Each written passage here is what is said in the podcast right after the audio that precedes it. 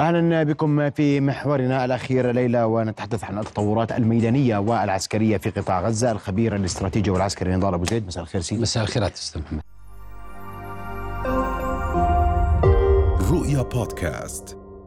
بدي أبدأ المرة بالفيديوهات لو سمحت. نشر كم من الفيديوهات للمقاومة ولجيش الاحتلال مزاعم لجيش الاحتلال. بدي أسمع تعقيبك عليها. نعم. أستاذ محمد أن هذا المقطع الذي صدر من ال- ال- ال- الجانب الإسرائيلي وقال انه هذا عبارة عن نفق وجد بالقرب من الحدود الشمالية لقطاع غزة وبالتحديد على بعد 400 متر من معبر إيرز. وقلنا حينها أن هذا لا يعتبر إنجاز للقوات أو للجيش الإسرائيلي بقدر ما هو آه، يعتبر إخفاق كبير. لأن عندما نتكلم عن وجود نفق على بعد تحت أقدام ال- القوات الإسرائيلية في منطقة أعلن عنها ال- ال- الجيش الاحتلال أنه طهرها منذ 14 يوم تقريبا. جاء المقطع من قبل المقاومة الذي أعلنت عنه اليوم وأكد ما أشرنا إليه يوم أمس. والمقطع الذي جاء من المقاومة أشار بشكل واضح تحت عنوان لقد تأخرتم كان عنوان المقطع.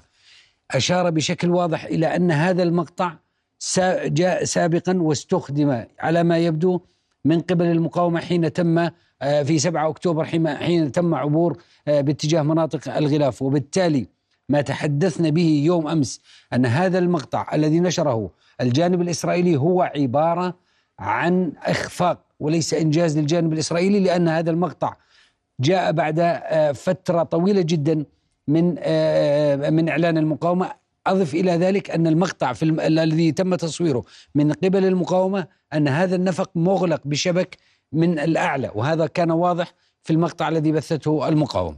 يعني هذا ال- ال- المقطع آه، يبدو أن قوى جيش الاحتلال أراد منه إعطاء دعاية إعلامية لل- للشارع آه، الإسرائيلي وأراد الظهور بأي إنجاز يذكر وتكلمنا كثيرا من نبض البلد أنهم يريدون الظهور بأي إنجاز ولو كان هذا الإنجاز مزيف وبالتالي نفق بهذا الشكل. قد يكون واقعي قد يكون موجود بالفعل وقد تكون قوات ال- الاحتلال وصلت له بالفعل لكن هذا نفق قديم أثبتت المقاومة في مقطعها. الذي نشر اليوم أنه مقطع أنه نفق قديم ولم يستخدم فيما بعد لأنه مغلق. إضافة إلى ذلك حتى ولو كان هذا النفق تم الوصول إليه واكتشافه من قبل الجانب الإسرائيلي كيف يتم اكتشاف نفق موجود تحت أقدامهم بعد فترة طويلة من إعلان وزير الدفاع عن أن آه، ال- ال- ال- المنطقة الشمالية من قطاع غزة محررة بالكامل وهذا النفق بالقرب من الحدود ال- على القطاع الشمالي 400 متر كان يبعد عن معبر مع- ايرز معقول معقول كل كل هذا الحجم للنفق اليوم؟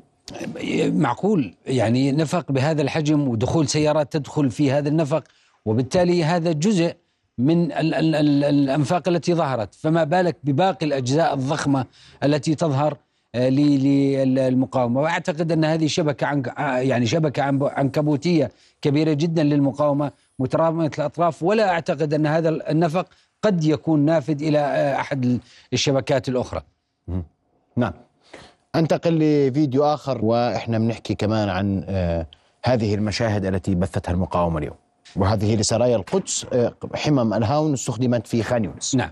آه، لاحظ طريقة ال- ال- القصف من قبل الهاون لاحظ طريقة عدم الاستعجال في استخدام قذائف الهاون وطريقة الأريحية الذي يتمتع بها المقاومة واللباس الذي أشرنا له كثيرا وهو لباس آه، ينسجم مع ال- ال- ال- المجتمع العادي حتى ينخرط ال- ال- المقاوم في هذا المجتمع. في المقطع هذا بكل أريحية. الأعلام معلقة والمقاومين موجودين ولاحظ جالسين أيضا على كراسي.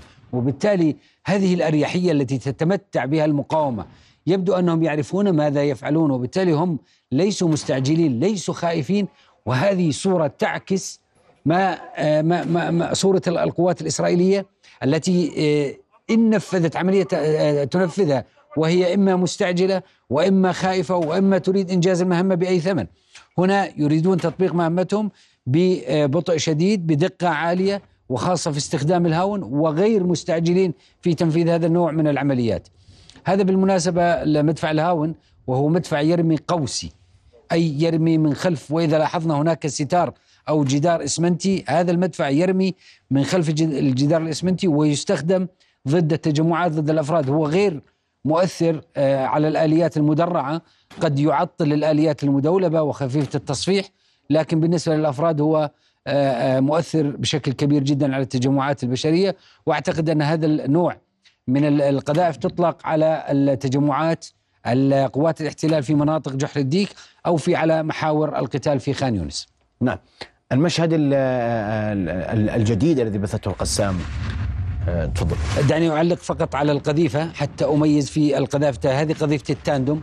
وهي قذيفة مؤثرة في آليات المدرعة وبالتحديد في المركافة. هذه دبابة المركافة أيضا دبابة مركافة أربع أي بمعنى نتكلم عن دبابة مطورة أكثر من المركافة ثلاث وهي ثنائية الدرع. وبالمناسبة التاندوم هو سلاح فعال ضد المركبة ومن من أسلحة آه، آه، من من صواريخ التي بي جي.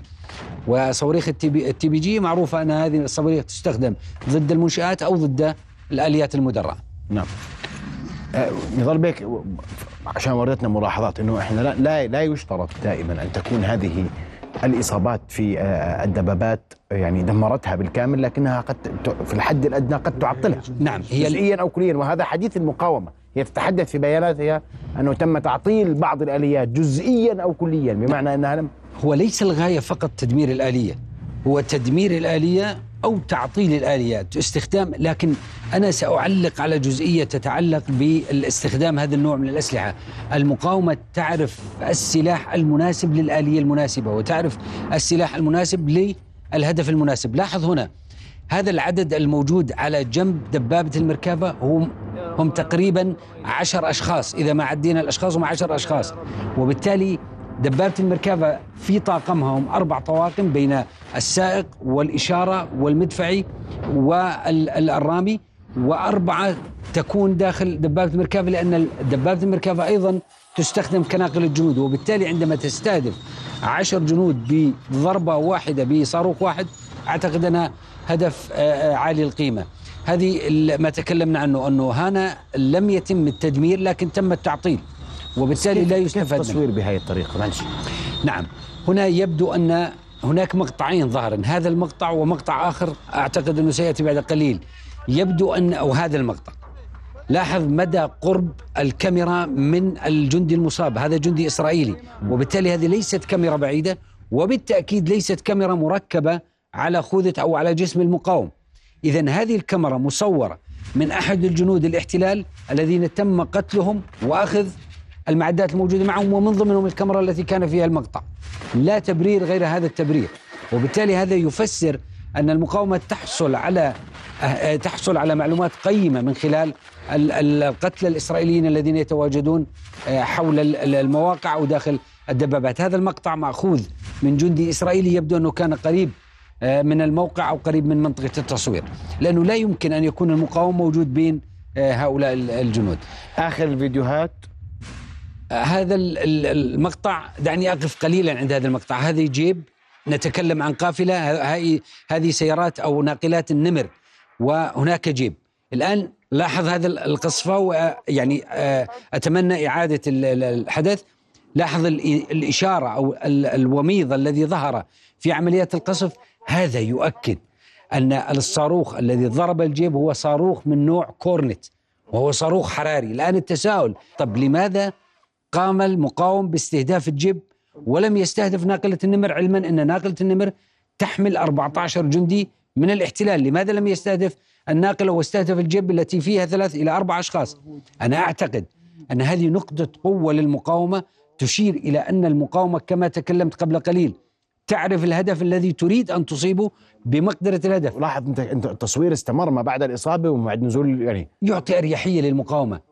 أود أن أشير إلى نقطة أن صاروخ الكورنت غير مؤثر كثير على دبابات المركبة وناقلات النمر ثنائية التدريع. المؤثر على ناقلة النمر ودبابة المركبة إما التاندوم وإما صاروخ الياسين 152 وبالتالي هنا أراد المقاوم بدقة إصابة الجيب لأنه يعرف أن القذيفة التي معه وهي قذيفة الكورنت لن تؤثر في ناقلة النمر. ما يعزز كلامي أن هذه قذيفة ال- ال- ال- ال- الكورنت الوميض الذي ظهر وحركة الاهتزاز لهذا الوميض لأن الكورنت موجه سلكي وبصري وبالتالي مع تحرك رأس ونظر الرامي تتحرك القذيفة. لاحظ القذيفة ستظهر الآن لها وميض وهذا الوميض يتأرجح. لاحظ هذا التأرجح بسبب التسديد حتى أصاب الجيب. الخسائر التي ظهر لاحظ هذا التأرجح من التسديد مع الرامي لأن الرامي يوجه حسب الصاروخ وحسب الهدف. وبالتالي هذا يعزز أن هذه القضية السيارة الأولى التي كانت في المقدمة اختبأت خلف الدبابة اللي هي يعني تحميها من هذا الثاني، أيوة نعم. الجيب الثاني. اختبأت خلف الدبابة وجاء مجموعة من آه، ال- ال- لإنقاذ المجموعة التي أصيبت وأحدهم هرب من الموقع. لاحظ أن أحدهم ترك المصاب وهرب من الموقع كليا. وهذا يشير على مدى ضعف وجبن هذه هؤلاء الجنود الذين يبقون مختبئين داخل آلياتهم لا يستطيعون حتى الخروج منها وإن حدث حادث مثل هذا يتركون الحادث ويهربون وبالتالي أنا أعتقد هذه المشاهد مؤثرة جدا آه، في في طيب. فيما حصل اليوم وهي آه، آه، ستؤثر أيضا في الشارع الإسرائيلي أكثر فأكثر. التطورات الميدانية على الخرائط تفضل دعني فقط أعرج قبل أن أدخل ع- آه، على. الخرائط آه، بموضوع الإصابات، أنا أركز على موضوع الإصابات كثيرا لأنه يعطينا مدلول كبير على مدى آه، مؤشر العمليات، اتجاه العمليات، قوة المقاومة وضعف الجانب آه، قوات الاحتلال. اليوم وبشكل رسمي أنا ساتكلم عن أرقام أعلن عنها رسميا، ليست تقييم وليست تحليل. صدر بشكل رسمي عن هيئة البث الإسرائيلية 132 قتيل لغاية اليوم قبل دقائق من الآن أعلن عاجل عن وجود سبع قتلى أيضا بينهم ضابط وبالتالي نتكلم عن 139 قتيل م- ل- لغاية الآن من قوات الاحتلال. آه، 48 أعلن عنهم رسميا أنهم أصيبوا في خلال ال 24 ساعة وتم إخلاعهم. الملفت في هذه الأعداد ما صدر قبل قليل وبشكل رسمي عن الجانب الإسرائيلي أنه منذ بداية العمليات لغاية اليوم تم إخلاء هذا قبل تقريبا نصف ساعة من الآن إنه تم لغاية اليوم إخلاء 2215 إصابة إلى مستشفى سوركو في بئر السبع. ماذا يعني هذا الرقم؟ قبل يومين من الآن تكلمنا أن هيئه البث الإسرائيلية أعلنت عن 2000 إصابة في صفوف قوات الاحتلال وقلنا حينها أن هذا يعني أن 25% من القوات المجحفلة المجمعة للواجب في مسرح العمليات أصيبت إما خرجت عن العمل إما أصيب أو قتل أو أعيق أو آه، تم إخراجه عن العمل.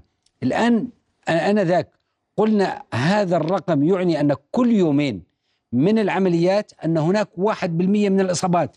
الآن بعد يومين من الإعلان الأول لقوات الاحتلال التي أعلنت عن 2000 إصابة، اليوم الثاني من هذا الإعلان تعلن عن 2225 إصابة، اذا أعدادنا تتطابق تماما مع ما يتم الإعلان عنه بشكل رسمي.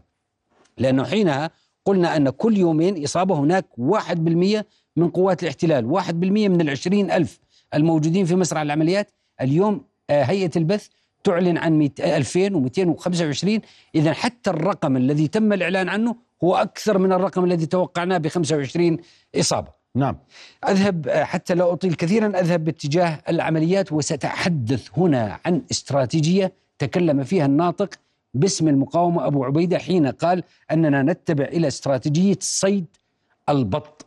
هذه الاستراتيجية تكلم فيها في آخر مقطع له أبو عبيدة حين قال عن استراتيجية صيد البط، هذه الاستراتيجية التي تضاف إلى استراتيجية النقطة صفر ولم يتكلم فيها عبثيا بالمناسبة، حين قال أننا نطبق صيد البط بمعنى أننا نحصد في جنود الاحتلال بأعداد كبيرة جدا لأنهم يكمنون داخل آلياتهم وبالتالي هذا يسهل علينا عملية اصطياد الأعداد الكبيرة، قذيفة واحدة أصابت عشر جنود مختبئين بجانب الدبابة. دبابة. وبالتالي أعتقد أن هذه الاستراتيجية ستستكمل وسيتحدث صيد عنها البط. صيد البط وسيتحدث. عنها آه، كثيرا. دعني فقط أفرق لأنه كثيرا حدث لغط بموضوع صواريخ التي بي جي وصواريخ الار بي جي. هناك فرق كبير حتى لا يحدث خلط عشان هذا يعني ممكن بده وقت نخليه بكره إذا سمحت. نعم. بدك تمرق لي إياها. بدي خرائط مرق. سريعا لو سمحت إني تجاوزت طيب. الوقت نذهب إلى منطقة العمليات. آه تفضل. المنطقة الأكثر استخ... آه، سخونة م. منطقة خان يونس. مناطق خان يونس وكما يظهر على الخارطة مباشرة العم... ال- المنطقة الشمالية من خان يونس في الخط المقطع. لا تزال قوات الاحتلال تحاول إطباق السيطرة على المنطقة الشمالية من خان يونس. المنطقة الشرقية قبل تقريبا من ساعات العصر لغاية اليوم يبدو أن قوات الاحتلال تحاول التوغل في شرق خان يونس إلا أن قوات المقاومة آه، ضربت دبابتين لقوات الاحتلال حاولت التوغل على المحور الجنوبي الذي تكلمنا عنه أمس وهو محور طريق صلاح الدين باتجاه المركز الثقافي.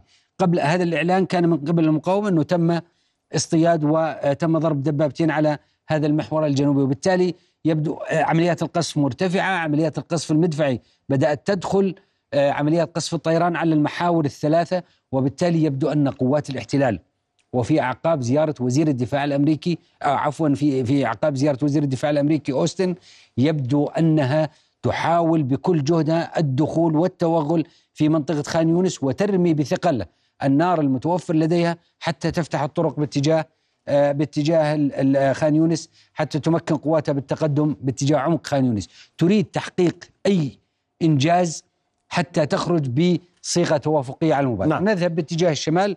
الشمال لا يزال مشتعل باتجاه الشجاعية. هناك عمليات في جباليا هناك عمليات. الملفت في منطقة الشمال هي منطقة تل الزعتر. ظهور تل الزعتر بشكل كثيف والملفت الأكثر أنه منذ صباح اليوم هناك حديث كثير من قبل آه، المواقع الإسرائيلية معاريف آه، هارتس تكلمت كثيرا عن أن القصف المدفعي باتجاه الشجاعية، اذا ماذا يعني القصف المدفعي باتجاه الشجاعية؟